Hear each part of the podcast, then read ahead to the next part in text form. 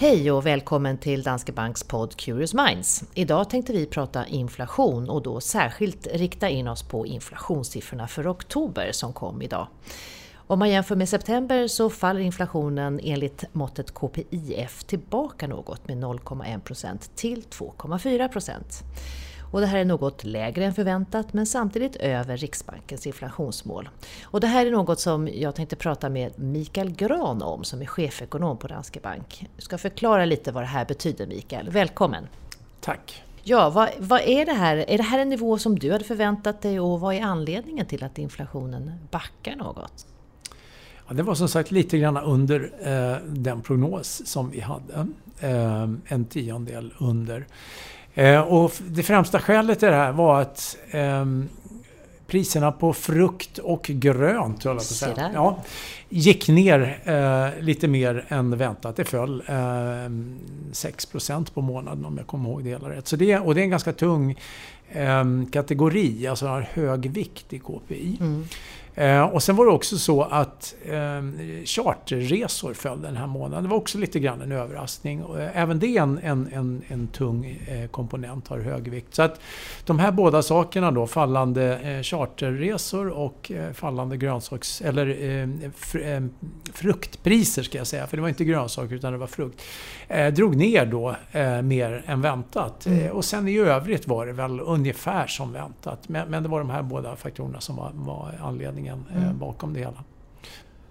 Alltså om man tittar då på de senaste månaderna har ju inflationen enligt det här KPIF-måttet då varit högre än Riksbankens inflationsmål som är på 2 eh, Kan man säga nu att ja, men nu har Riksbanken nått sitt mål så nu är vi happy och glada alla? Ja men det är ju som du säger här. Eh, den infla, eller det inflationsmåttet som Riksbanken har som mål, KPF, det ligger fortfarande då ett par tiondelar över målet på 2% Så att jag tror inte att det, det, här utfallet som vi fick idag ruckar egentligen på, på, på Riksbankens möjligheter då att höja i december. Det, vi ska ju få ytterligare ett inflationsutfall i november också mm. innan det här är, är helt klart. Ehm, och vi kan ju se när vi tittar på nästa prognos, ehm, om vi tar med i beräkningen att eh, energiprisen energipriserna håller på att falla nu, jag tänker på, på oljepriset då, så kommer det dra ner banan lite grann eh, ytterligare här. Men, men fortfarande så kommer man eh, ligga på eller strax över målet här när vi går in i det här räntebeslutet. Så att, och jag tycker på tongångarna från Riksbanken ändå tyder på att de kommer att höja räntan i december. Det ska vara om vi får en väldigt, väldigt stor avvikelse då i, i november som gör att de skulle kunna bli lite osäkra. Men, men eh, det är svårt att se. Det här med energipriserna, att de faller, det har de ju faktiskt räknat med i sin mm. prognos. Mm. Ja, för det här är någonting just att Riksbanken då säger att de ska höja i december eller i februari. Mm.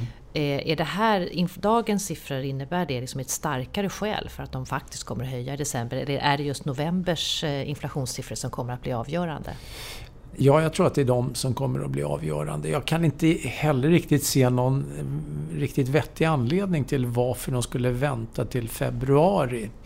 Egentligen, utan, eh, utan vi har i alla fall tänkt som så att ska de höja räntan så, så gör de det i december och sen avvaktar de ett halvår tills det är dags för nästa gång så som de har sagt. För det ligger ungefär en gång i halvåret, räntehöjningarna i, i, i deras eh, räntebana, deras ränteprognos som de har.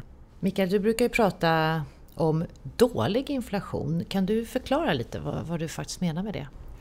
Jo, jag brukar... Eh, det handlar ju om... Man tittar på vad är det som driver inflationen och då brukar jag säga att det finns ett antal faktorer, de huvudsakliga. En är eh, lönekostnader. Eh, sen kan man peka på kronan. En svagare krona driver upp importpriserna. Och sen en annan stor faktor är energipriserna.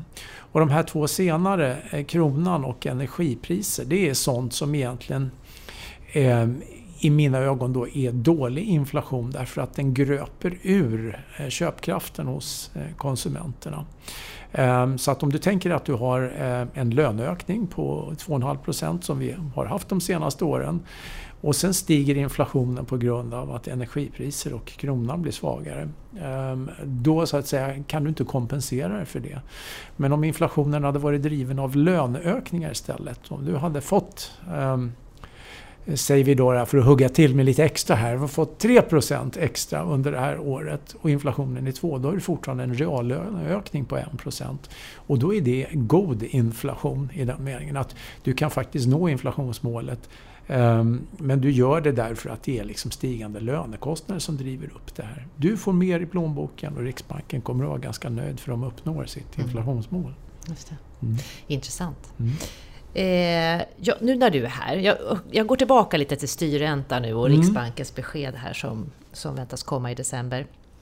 Eh, vad, vad, tror du att styrräntan kommer att vara om, låt säga, tre år ungefär? Alltså vi tror ju egentligen att, att det blir två höjningar från Riksbanken. Eh, först nu i december en gång och sen en gång i sommar. Tidigare var jag tveksam till att det skulle komma någon i, i sommar och det är fortfarande väldigt osäkert om det blir någon i, i sommar. Men vi har det som prognos i alla fall. Och det, varför vi har en sån prognos beror på att vi eh, i nuläget bedömer att den inflationsbana som Riksbanken har, den prognos som de har, den är ganska rimlig. Men sen bort och då pratar jag om prognosen fram till andra halvåret nästa år. Sen börjar våra banor gå isär och det beror på att vi har en lägre inflationsbana igen än vad Riksbanken har. Och då kan vi inte se att det finns fog egentligen för att fortsätta med, med räntehöjningarna efter det. Mm. Så det, det är det vi bygger vårt resonemang på och det faller tillbaks på det här som jag nämnde tidigare med, med god inflation. Vi tror ju tyvärr inte att löneökningarna kommer att accelerera utan de blir kvar på på, där de är ungefär nu, på 2,5 procent per år fram till det att vi får ett nytt avtal i början på 2020, alltså en ny lönerunda. Då man möjligen skulle kunna se att löneökningarna tar fart. Men, Så du tror på en styrränta på 0 procent 2020? Inte, inte på plussidan? Nej, det, så som det ser ut nu så, så känns det som vår bästa gissning. Den som lever får se. Precis. Tack för att du kom hit idag Mikael. Tack ska du ha.